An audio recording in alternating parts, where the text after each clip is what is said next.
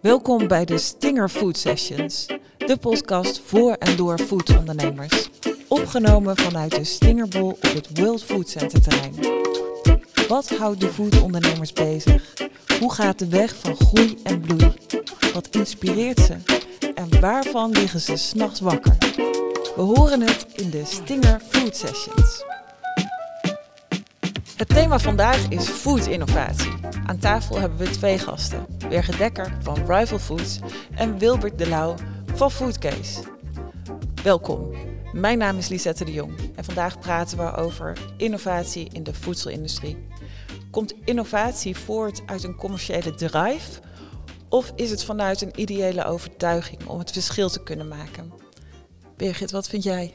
Poeh, ik, ik moet kiezen, neem ik aan. Maar ik zou zeggen beide. Ja? Meestal is er een, een drive en dan is er ook een commerciële vraag naar. Uh, dus wij zien uh, bij onze innovatie dat de consumenten eigenlijk uh, een verandering willen. En dat daar dan ook een, een, een, drive onder ligt. Waarom willen consumenten iets anders zien? Waarom willen ze een voedselinnovatie eigenlijk hebben? En, en dat is, gaat vaak dus hand in hand, zou ik zeggen. Hand in hand. Rival Foods, dat is het bedrijf wat jij hebt opgericht samen met je compagnon. Wat doet Rival Foods? Bij Rival Foods ontwikkelen we een uh, nieuwe technologie om uh, plantaardige vleesvervangers te maken. Uh, moet ik zeggen dat ik zelf een ontzettende hekel heb aan, dat, aan, aan die naam, die bewoording, vleesvervangers. Het zijn eigenlijk plantaardige producten die men kan gebruiken om te kiezen voor meer plantaardige producten. Um, en wat wij doen is, wij brengen eigenlijk textuur aan aan plantaardige eiwitten. Om echt dat mondgevoel, de sappigheid en de beleving eigenlijk uh, uh, na te bootsen die, uh, die men anders vanuit een vleesproduct of een visproduct ervaart. Wanneer ben je gestart? Um, nou, ik, we zijn een spin-off vanuit Wageningen Universiteit. Daar ben ik in 2014 begonnen aan een promotieonderzoek. Uh, dus het onderzoek is eigenlijk uh, voor mij toen begonnen. Uh, maar andere wetenschappers zijn al veel langer hiermee bezig. En in 2018 zag ik echt de kans om deze technologie verder te ontwikkelen. Dus als onderzoekstoel werd het altijd gebruikt. Um, en, en, daar hadden we hele mooie resultaten mee. Maar om echte impact te hebben, moet je natuurlijk iets op schaal kunnen produceren. En daar zijn we dus nu mee bezig bij Rival Foods. Echt het doorontwikkelen van technologie om uiteindelijk uh, nou ja, in de supermarkten te kunnen liggen met onze producten. Maar het is een hele drukke markt. Hoe onderscheid je je dan? Dat heeft echt te maken met de structuur en het mondgevoel wat wij kunnen realiseren. Dus wat we met onze technologie kunnen is grote producten uh, maken, uh, die dus eigenlijk een ander marktsegment bedienen.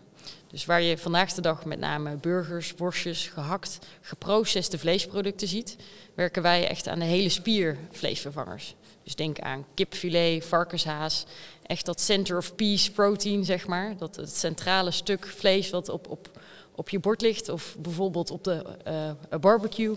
Nou, dat, dat ontwikkelen wij. Kijk, Wilbert, is Foodcase ontstaan vanuit een ideële of commerciële overtuiging? Ik denk dat het beide is. Ik, ik, moet wel zeggen, wij zijn dit bedrijf gestart vanuit een ideële uh, achtergrond. Uh, om te kijken of we technologie kunnen gebruiken om uh, dingen langer houdbaar te kunnen maken. Waardoor er minder weest van voeding is. Um, en de eerste vijf jaar hebben we ook echt alleen maar onderzoek gedaan van hoe kunnen we nou de technologie gebruiken om ehm, voedselverspilling tegen te gaan. En in die reis zijn we gaan zoeken naar uh, commerciële uh, belangen. Dus het is eigenlijk een beetje andersom. Uh, maar het, het een sluit het ander niet uit en het kan ook niet zonder elkaar. Het zijn wel communicerende vaten wat mij betreft. Maar vertel, wat, wat is hetgeen wat je nu doet met Foodcase? Nou, Foodcase heeft uh, vanuit, vanuit die oorsprong uh, om te kijken naar hoe kunnen we producten langer houdbaar maken zonder verlies van kwaliteit. Dat is wel heel erg belangrijk hebben we gekeken naar welke markten zijn daar nu eigenlijk uh, uh, in de wereld die dat nodig hebben. dan moet je denken bijvoorbeeld aan de zorg. Hè. Zorg heeft een ja, zorg, legereenheden, vliegtuigmaatschappijen. Nou, dat laatste zijn we met name op, op doorgegaan. En het bleek dat vliegtuigmaatschappijen ongeveer 20 tot 30 procent aan eten weggooiden. En waar hebben we het dan over? Waar moet ik aan denken? Nou ja, je hebt ongeveer 2,1 miljard maaltijden per jaar. Als je daar 20 procent van weggooit, dan kun je ongeveer voorstellen hoeveel kilo's eten dat is uh, wat je eigenlijk alleen in één industrie weggooit. Nou, wij vonden dat eigenlijk niet kunnen. En daar hebben wij eigenlijk onze doorontwikkeling op, op gericht. maar toen kwamen we natuurlijk achter heel veel problemen. Dus uiteindelijk heeft het vijf jaar geduurd voordat we uiteindelijk een, een echt product op de markt konden brengen. Dus het begint eigenlijk met een idee. Wat als we binnen dat soort uh, grote uh, aantallen een besparing teweeg kunnen brengen? In feite wel, ja. ja wel, van, wel vanuit een technologische achtergrond. dus hoe kunnen we technologie inzetten om een probleem op te lossen?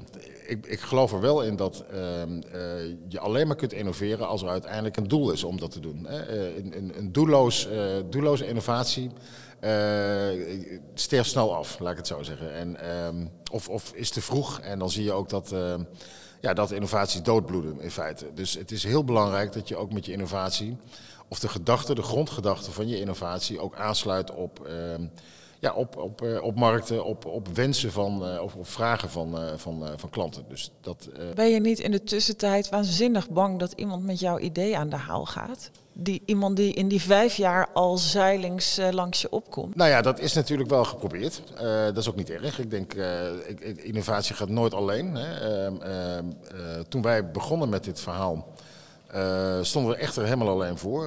De, de, trend daar was natuurlijk ook dat alles ultravers moest gemaakt worden. Dus de, er was natuurlijk best wel wat, wat weerstand vanuit, vanuit de airlines ook om na te denken over hoe kun je nou producten ongekoeld houdbaar houden. Uh, toch, toch een visbeleving creëren en, en, uh, en een, uh, een appreciatie van de, van de consument verwachten. Dat is gewoon best wel lastig. Dus we stonden er best wel alleen voor, maar de, de voordelen waren dusdanig groot voor, de, voor de airlines dat we twee vliegtuigmaatschappijen bereid hebben gevonden om een test te doen. En dat traject heeft echt vijf jaar geduurd. Dus we hebben wel vijf jaar voorsprong. Maar aan de andere kant uh, zien we nu ook andere bedrijven uh, komen. En dat is eigenlijk alleen maar goed, want dat betekent namelijk dat er markt is. Dus ik, uh, ik, als je helemaal alleen staat in je innovatie, dan, dan vliegt het ook niet. In dit geval ook letterlijk. Herken je dat? Dat je dan um, ja, dat, dat zo'n traject van innovatie duurt dan lang. En, en dan de angst dat er misschien wel partijen op de markt komen, Birgit. Um, ja, zeker, dat herken ik. Uh, wij zitten natuurlijk nog in een andere fase waarbij we nog geen commerciële producten hebben. Dus wij krijgen natuurlijk ook vaak die vraag van joh, uh, wat jullie kunnen ziet er heel veelbelovend uit. Maar wanneer kun je het nou op de markt zetten en kun je nou echt realiseren dat je een first mover advantage hebt, dat je de eerste bent? Nou, vanuit onze achtergrond weten we gewoon dat wij uh, vanuit Wageningen Universiteit eigenlijk kennis hebben die op dit moment niemand anders heeft, voor zover wij weten. Uh, dus daar hebben we echt wel een groot voordeel mee. En alle uitdagingen die wij inderdaad ook zien op dit moment en die we aan het tackelen zijn, dat zijn uitdagingen. Dat kost tijd en dat kost geld en, en energie. En um, dat zijn uitdagingen op het gebied van ingrediënten bijvoorbeeld. Kijk, je moet op een gegeven moment natuurlijk uh, mensen weten te overtuigen van hetgeen wat je aan het ontwikkelen bent. En uh, dan is men altijd kritisch als er bijvoorbeeld uh, geld geïnvesteerd moet worden. Um, dan kijkt men wel van, joh, wat zijn jullie aan het doen? Is dit uniek? En, en, en zijn we bereid om om, risico te nemen, want dat is het in technologische innovatie eigenlijk altijd. Het is nog niet uitgevonden, dus moet je een, een, een, een stap overbruggen en een risico durven te nemen. En ja, dan wordt er natuurlijk gekeken van, joh, ben je wel de enige en heb je dadelijk dat voordeel en kun je de markt dus snel en goed betreden. Ja, dus je, eigenlijk moet je je idee, uh, je hebt een idee en dat moet je dan eerst uh, gaan pitchen voordat je ook maar aan de slag gaat. Wil je die investeringen loskrijgen? Ja, in ons geval is dat wel zo. Kijk, ik, ik heb een achtergrond inderdaad als student en als PhD-student. Dus mijn bankrekening uh, en, en, de mogelijkheden om zelf te investeren waren helaas niet heel. Uh, dus dat klopt. Voor ons was dat wel het geval dat je eerst uh, moet kijken van een, een, een, basisteam opzetten. En daar inderdaad in eerste instantie subsidies ook wel. En, en, grants en prijzen. En daar hebben we het voordeel mee dat voedselinnovatie eigenlijk een heel hot topic is. zeker waar wij in werken, de eiwittransitie is wel een, een veld waar subsidies uh, voor, ja, beschikbaar voor zijn. Um, maar daarnaast ook wel inderdaad uh, mensen die erin geloven uh, en, en durven en willen investeren. Maar voordat je begint, heb je dus al een hele grote investering die, die je aangaat. Kun je ons een doorkijkje geven? Hoeveel ja, dat, dat, dat gaat eigenlijk in stappen. Um, dus er zijn natuurlijk altijd uh, investeringen die je gaat doen in een vroege fase met een, op basis van een idee. En dan werk je naar bepaalde milestones of mijlpalen toe. om weer vervolgfinanciering op te halen. En nou ja, waar wij nu mee bezig zijn is echt een stap ontwikkeling nog. en daarna komt een stuk realisatie. En, en dat kost altijd nog meer geld dan de eerste ontwikkeling, zeg maar. Dus daar, ja, daar zitten we eigenlijk volop in.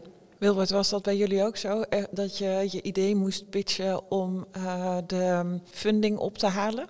In feite geldt, geldt voor ieder bedrijf of voor iedere eh, start-up uh, hetzelfde proces. En dat is met vallen en opstaan natuurlijk.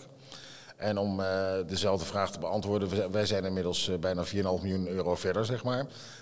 en zijn sinds een jaar of drie, vier pas onderweg om het echt te commercialiseren. Dus het kost ook heel veel tijd en vooral heel veel geld. naast het feit dat je natuurlijk nog je je, je, je, ontwikkeling wil gaan doen. Hè? Want dat, is, dat moet je ook niet vergeten. En die twee dingen gaan hand in hand. Het zijn twee lagen. Hè? Dus um, dat je, waarschijnlijk als je uh, met een uh, idee start, heb je nog niet eens zozeer het idee dat er zoveel lagen, zoveel stromen zijn. Nou ja, en wat je niet realiseert is dat alles vijf keer langer duurt en tien keer meer geld kost. En dat is denk ik iets wat, uh, wat je moet realiseren op het moment dat je ergens instapt is dat je, iedereen denkt dan meteen, nou, uh, als ik klaar ben, dan wil iedereen het gaan kopen. en dan begint pas echt de zoektocht, want uh, dan duurt het nog een tijdje voordat je echt uh, het, het, een product of een innovatie op de markt kunt brengen. En waar zitten jullie in dit proces? Um, heb jij al het idee dat het tien keer langer duurt en dat tegenslagen een zegen zijn? Um, Kijk, het, het, feit dat wij zijn nu ook bezig met, met, met een volgende stap in, in die innovatie. En ik weet nu alweer dat we veel te optimistische mijlpalen voor ons neerzetten aan het eind van het jaar. Uh, waar moeten we eind van het jaar zijn om uh, waar weer moet je een zijn? stap te zetten? Al het ontwikkelingswerk hebben gedaan om uh, een demonstratiefaciliteit neer te gaan zetten. Wij hebben nu proof of, of principle, of we kunnen laten zien dat de producten die we kunnen maken uh, dat mensen daar geïnteresseerd in zijn, dat ze die aantrekkelijk vinden. Uh, maar we krijgen tevens natuurlijk de vraag van, joh, hoeveel kost het nou? Nou, en als je op kleine schaal iets produceert, is het veel te duur. Dus het moet op schaal geproduceerd kunnen worden. Nou, daarvoor een plan ontwikkelen en dat kunnen realiseren, daar, uh, daar zijn we nu volop mee bezig. En dat moet eind van het jaar presentatie klaar zijn? Het plan wel, ja. ja klopt. Maar ik, ik zie je kijken dat wordt nog heel spannend. Uh, nou, er moet nog in ieder geval heel wat uh, gebeuren. Ja. Ik denk wel eens, oh, het is alweer uh, kwartaal 2, april. waar zijn die eerste drie maanden van dit jaar nou gebleven? En gaan we dat redden? Maar het, het, gaat eigenlijk heel goed. En we hebben een mooi team opgezet om dit te kunnen realiseren. Dus ik ben nog optimistisch. Fijn. Wat was het moment binnen het proces wat je nu hebt afgelegd dat Kurk alvast uh, van de fles ging? Dat jullie gingen proosten? Nou, een van de momenten uh, dat, dat een, een, chef, een hele kritische chef, tegen ons zei van... joh, uh, maar jullie zijn nog bezig met ontwikkeling. Kunnen we het niet gewoon kopen? En als de horeca dadelijk weer open gaat, dat we het op onze menukaart zetten. Nou, dat was voor ons natuurlijk een uh, hele grote ja, mijlpaal om, uh, om te vieren dat een chef zo enthousiast wordt van hetgeen wat je ontwikkelt. Dat is ontzettend gaaf. Dat is ook uh, binnen ons team nu echt de droom van joh, wanneer kunnen we nou gewoon tegen, tegen oom, tante, vriend, vriendin zeggen van joh, ga naar dat restaurant en dan kun je het proeven. Dat, is, dat ja, zal geweldig zijn. Ja. Wilbert, wanneer ging bij jou de kurk van de fles? Dat was denk ik op het moment dat de eerste producten het vliegtuig ingingen. Um, zat je zelf in het vliegtuig? Maar ik zat niet in het vliegtuig. We hebben wel, uh, moet ik zeggen, daarvoor uh, wat testen gedaan. Uh, toen zat ik wel in het vliegtuig. Um, in ons geval was, het, was de, de, de procestechnologie uiteindelijk wel afgerond. Maar toen kwam er eigenlijk het grootste probleem dat wij moesten voldoen aan een bepaalde verpakkingsvoorwaarden die eigenlijk niet heel erg goed matchten met de wijze waarop wij onze procestechnologie hadden ingericht. Een, een, product is natuurlijk niet af op het moment dat je maar één deeltje klaar hebt. En, uh, en daar hoorde in dit geval ook de verpakking bij. Dus we moesten eigenlijk weer helemaal opnieuw beginnen. Uh, dat kostte heel veel energie, heel veel tijd, heel veel geld. Uh, maar we hebben wel doorgezet en dan is het toch prachtig om terug te komen op je vraag. Dat uiteindelijk na een hele hoop testen het product dan echt live gaat en mensen aan boord van, van jouw producten genieten.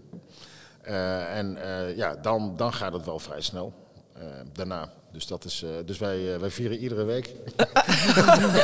nee hoor, het is Ik had niet anders verwacht van een ultieme horecaman. nee. Maar um, ja, dat, dat is natuurlijk wel... Um, ja, er, er, zijn ook momenten in zo'n proces dat je helemaal wordt teruggezet naar het begin. Wat ik je hoor zeggen met, uh, met de verpakking. Wat, wat zijn nou van die momenten dat je wakker ligt, dat je denkt, ja, ik, ik gooi het bijltje er neer, ben er klaar mee? Nou, ik denk, ik denk dat dat voor ieder, uh, uh, ieder bedrijf wat innoveert, of wat in ieder geval als start-up innovatie uh, pleegt te doen, is dat je twee stappen vooruit gaat, en, maar ook wel eens af en toe drie stappen terug moet gaan. En, ehm, en dat heeft alles met validatie te maken. Je wil je proces zo inrichten dat je stapjes kunt maken. Uh, en met iedere milestone, zoals jij dat omschrijft, hè, of mijlpaal, uh, valideer je ook eh, of, of het klopt. Hè, en dan ga je een tweede, tweede mijlpaal in. dat breekpunt kan je brengen tot helemaal terug te gaan naar het begin of de stap verder te maken. En dat zijn, dat zijn zeker als je ehm, werkt met, in, in, een fase werkt met meerdere partijen, hè, dus met partners, met, met eventueel klanten, wij noemen dat dan launching customers, hè, dus mensen die dus betrokken zijn bij, jou, bij jouw innovatie, die hebben verwachtingen. En dat ligt nog niet zozeer aan je eigen verwachting, want wij snappen dat proces wel dat je af en toe terug moet. Maar het ligt vooral aan de verwachtingen die nou, je hebt geschapen voor anderen. Hè. dat is niet dat je beloftes of loze beloftes doet. Alleen je wil ook wel een traject ingaan waar je uiteindelijk progressie ziet. En die progressie is belangrijk om ook mensen weer mee te krijgen. Hè. En om die stap weer naar de volgende fase te brengen. En daarin heb ik wel eens wakker gelegen van, joh, het duurt me te lang, het kost te veel geld. Uh, laten we er maar mee stoppen. Dat, dat zijn ook van die dingen die, die het, het, lukt gewoon niet. Hè. En dan is het gewoon belangrijk dat je het even van je afzet. Zeker ook naar de wetenschap weer teruggrijpt en zegt, joh, waar, waar gaat het nu fout eigenlijk? Want voor alles is een oplossing, alleen je hebt hem nog niet gevonden. Dat is een beetje de, de, de gedachten die ik dan uh, daarbij probeer te plaatsen. Dus ik denk dat je gewoon naar dat opzicht gewoon het af en toe naast je neer moet leggen, positief moet blijven en gewoon weer stoïcijns doorgaan. Stoïcijns doorgaan, omdat je geloof hebt in wat je aan het doen bent. Ja, op het moment dat je de schakel hebt gemaakt tussen je, je, je eigen ideële gedachten um, uh, en de markt, hè, dan weet je dat daar dus iets zit. En dan is alleen de vraag, gaat dat ook lukken? En dat heeft of met heel veel tijd te maken, of uh, met heel veel geld te maken. Maar dan heb je wel partijen nodig die of jou of iets kunnen bijdragen, maar niet alleen geld. Geld is niet hetgene wat je zoekt uiteindelijk. Want geld is er overal te vinden. Alleen welk geld heb je nodig? Hè? En, en, dat is denk ik heel erg van belang ook in de, in de volgende stap die je moet nemen als bedrijf. welke stakeholders haal je er nu bij die niet alleen dat geld kunnen brengen, maar jou ook naar de tweede of de derde of de vierde fase kunnen brengen. En misschien moet je dan ook in dat traject ook afstand nemen van, uh, van de eerste fase investeerders. Hè. Dat zijn vaak uh, familie, uh, friends en fools and family, hè, noemen we dat altijd maar. Hè, die wel in jou geloven, maar eigenlijk niet helemaal weten waar nou dat, dat hele concept over gaat. Um, ja, die moet je dan, die moet je dan uh, misschien ook wel, daar moet je misschien wel afscheid van gaan nemen. En dus weer een andere type investeerder zoeken. Friends, Fools en Family. Heb jij die ook aan je zijde? Uh, ja, nou, wij, hebben dan nog een, een, andere tak, die, die, die wordt nooit genoemd, dat is filantropie. Uh, dus die, die zou eigenlijk de vierde in dat rijtje mogen zijn, wat mij betreft. Maar zo, deze stakeholders kunnen beperkend werken? Um, nou, ik, ik denk meer dat, dat je op zoek bent naar een andere type persoon. En niet zozeer dat dat belemmerend werkt. Um, in ons geval, in ieder geval, uh, zie ik dat niet zo. Um, dus waar wij terugkomen op je eerste vraag: uh, van, uh, is het vanuit een, een, een doel dat je voor ogen hebt? Um, was dat zeker zo bij onze eerste investering? Eh, waar echt vanuit de filantropie een vraag is naar een verandering in een voedselsysteem. En, en daar hebben wij dus ook uh, eerste investeringen kunnen weten te realiseren, omdat we echt geloofden in die verandering. En dat dat ook, ook vertelde en deelde, zeg maar. Um, en inderdaad klopt het wel dat in een vervolgfinanciering je ook iets anders nodig hebt. Dus wij werken nu bijvoorbeeld ook samen met partners die ook deels willen en al durven te investeren in, in, in de producten zelf. Kijk, en dan krijg je natuurlijk inderdaad een hele andere balans en relatie uh, met, met degene die investeert, uh, die ook op ja, veel inhoudelijkere vlakken een, een, rol speelt, zeg maar. Is het wel eens zo dat je zo'n moment hebt dat je drie stappen terug moet, terug naar de tekentafel en denkt: gaat dit ooit lukken?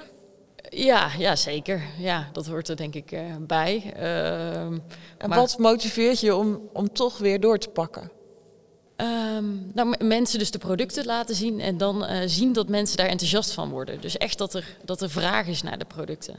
Dat je benaderd wordt door mensen, dus zonder dat je er zelf aan trekt. Dat mensen enthousiast worden van het, hetgeen wat je doet. Dat is denk ik uh, voor mij heel belangrijk. Die ja. bevestiging, ja. ja. Nu zei je al, hè, dat enthousiasme komt voort uit dat het zo'n andere vorm is qua uh, textuur, mondgevoel, beleving. Uh, dat betekent dat je eindeloos test. Hoe, hoe ziet dat eruit? Ben je de hele dag uh, zelf, ik hoorde je net ertjes, uh, ertjes aan het, aan het proeven? Nou, dan de, de, producten die wij maken van erten hoor. ja, wij, wij, proeven heel veel. Ja? ja? Dus... Maar ben je het nooit zat? Denk je niet van, zullen we eens een keer wat anders maken? Nee, we maken veel verschillende dingen. nee, ik ben het niet, niet, niet vaak zat. Nee, helemaal niet eigenlijk. Je kunt nog eindeloos doorproeven? Ja, uh, en uh, dat doen we natuurlijk niet alleen. We doen dat meestal met partners, met anderen. En dan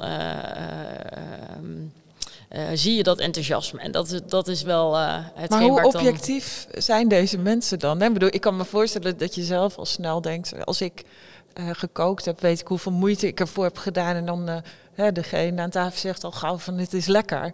Maar wat, hoe zorg je dat dat kritisch publiek blijft? Nou, dat zit hem dus inderdaad in die vraag dat mensen zeggen... Dus wij geven altijd aan, we zijn iets aan het ontwikkelen.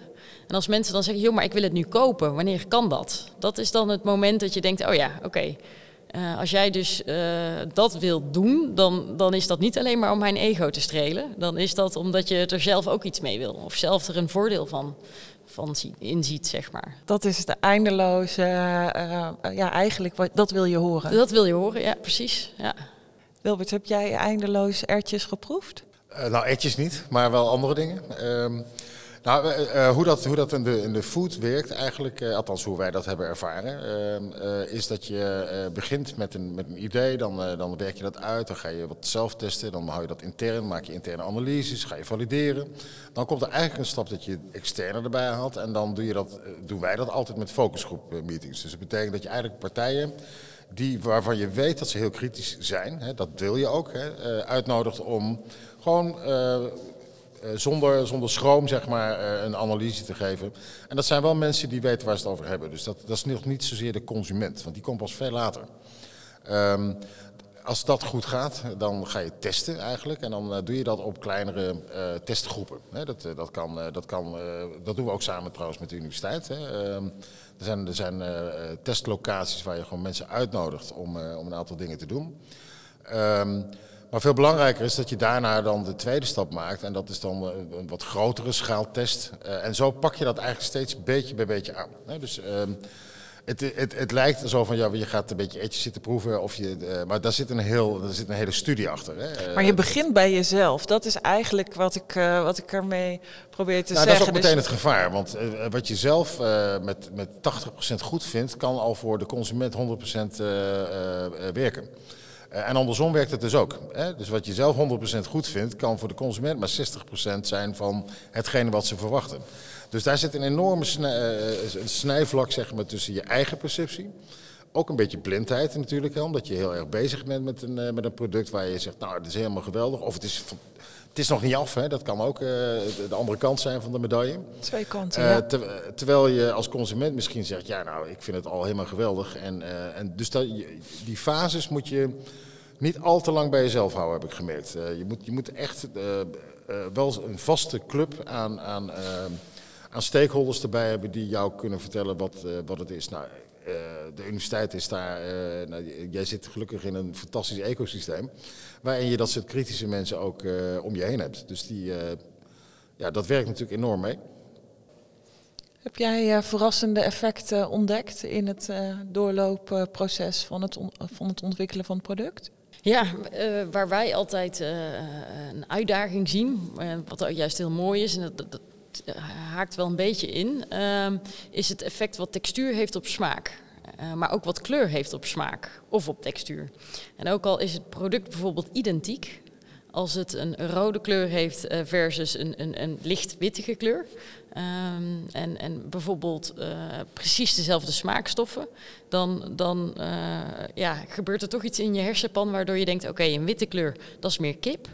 En rood, oh, dan, dan moet het uh, vlees zijn. Mijn brein zorgt er dus voor dat ik een bepaalde smaak al ervaar. Ja, je, je, je, bent, je hebt een soort vooroordeel inderdaad, direct daardoor. En dan proef je en, en, en, en ervaar je het dus anders.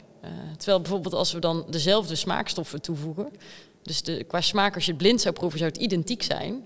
Uh, dan, dan merk je gewoon dat dat invloed heeft. En hetzelfde geldt als je de textuur verandert. Dus eigenlijk in een goed product moet alles samenkomen. En uh, uh, dat moet je dus eigenlijk ook allemaal tegelijkertijd kunnen testen. En dat, dat is af en toe een uitdaging. Maar dat is dus waarschijnlijk ook waarom het een vleesvervanger is. Hè? Dus dat het in de textuur van vlees wordt geplaatst. Terwijl, ja, waarom eten we niet gewoon een plant? dat heeft te maken met hetgeen wat een consument toch zoekt. Uh, dus een stukje eetgewoonte, gewenning. Um, en en uh, daarin moet alles kloppen. En dat, dat merken we dus ook. wij krijgen wel eens de vraag, joh, waarom voeg je nou die smaakstoffen bijvoorbeeld toe? maar als het de textuur van een, een, vlees heeft, maar de smaak van een soja of een ert, dat, dat klopt niet in, in de perceptie. En uh, je, merkt toch dat veel mensen die uh, eigenlijk er bewust voor willen kiezen om wat minder vlees te consumeren, dat ze wel op zoek zijn naar dat stukje gewenning uh, en, en, een stukje ja, kennen, uh, weten wat ze eten. Kun jij je voorstellen dat een uh, mooi stukje vleesvervangend product van Rival Foods uh, in de maaltijden komt? Ik kan me voorstellen dat ik jou morgen uitnodig bij ons op kantoor. Om daar zeker over te gaan praten, want wij zijn echt op zoek naar dit soort dingen. En is, is het dan mogelijk? Zijn jullie zodanig wendbaar om aan andere smaakwensen te voldoen? Dat is een interessante vraag. Uh, ik, ik, ben een technoloog van achtergrond, dus ik denk inderdaad direct van, oh ja, dan moeten we het sterker op smaak brengen. Hoe gaan we dat doen? Maar uh, nee, zeker, dat is, dat is mogelijk. En uh, het verder doorontwikkelen op, op heel veel verschillende vlakken is heel belangrijk. Dus wij zien zoveel mogelijkheden voor als hetgeen wat we aan het ontwikkelen zijn lukt en, en, en doorontwikkeld is, zodat we op schaal kunnen produceren ja, dan is uh, de wereld van vlees zo ontzettend groot. Uh, en daar kunnen we op zoveel vlakken een rol spelen, denk ik. Ehm, en nou ja, waarom niet in, in, in, in de luchtvaartindustrie? Zeker. Mooi. En dan de laatste vraag, Wilbert. wat zou jij van Rival Foods kunnen leren? Nou, ik, wat ik, wat ik uh, eigenlijk niet alleen van jullie, maar van alle start-ups leer, is dat je zelf constant jezelf moet blijven uitvinden. we zitten, we wij zijn een stukje verder in het bedrijf, maar wat ik, wat ik weiger te doen is zeg maar, je zei net gekscherend wellicht de dinosaurus, maar wat ik weiger te gaan doen in ons bedrijf is dat we ons gaan opstellen als dinosaurus. Ehm, en ik denk dat je dat altijd kunt leren van, van starters. En start-ups die echt met goede ideeën komen en... Daar ook een bepaalde samenwerking in, uh, in uh, kan aangaan. Uh, waarin we van elkaar kunnen leren. Ik denk dat dat ook iets is wat, wat ook echt in Wageningen gebeurt. Ehm, we zitten in een fantastisch mooi ecosysteem. En dat wordt vaak onderschat. Hè. De kracht van, van, van Wageningen Universiteit gaat verder dan de grenzen van, van Nederland, kan ik je vertellen. Dus het, het, het, samenwerken met starters. En nou ja, ik ben ontzettend benieuwd naar jouw producten. Dat, dat had je al door, denk ik. Ehm, eh, maakt het dat ik ontzettend veel kan leren en kan blijven leren. Dus dat, ehm, eh, ja. Mooi. Morgen bellen we elkaar. Birgit, wat zou eh, jij kunnen leren van Foodcase? Uh, ontzettend veel, denk ik. Uh, waar uh, altijd op een gegeven moment kom je op een, kruispunt en dan moet je een keuze maken. En dan overzie je als starter nog niet wat, wat die keuze voor implicaties zal hebben. En dan is het altijd heel goed om te kijken naar mensen die al voor zijn gegaan betekent niet dat zij het, juiste antwoord voor je hebben om te zeggen, nou je moet linksaf of rechtsaf. Maar je in ieder geval wel mee kunnen nemen wat de gevolgen zouden kunnen zijn van die bepaalde keuze die belangrijk is. En dat is denk ik uh, iets wat, uh, uh, wat altijd goed is om te sparren met mede foodondernemers, zeg maar, die al een stap verder zijn. Mooi. Ja, uh, foodinnovatie. Volgens mij kunnen we er nog wel uren over doorpraten. Want uh, ja, jullie processen, de wegen die je hebt afgelegd. ik hoor je zeggen, tegenslagen zijn een zegen. En daardoor tien stappen vooruit en misschien wel weer twintig terug. Ehm, een boeiend, boeiend onderwerp. Dank jullie wel. Dank jullie wel voor je deelname aan, aan de podcast. Dit was de Stinger Food Sessions vanaf het WFC. Dank voor het luisteren en tot de volgende podcast.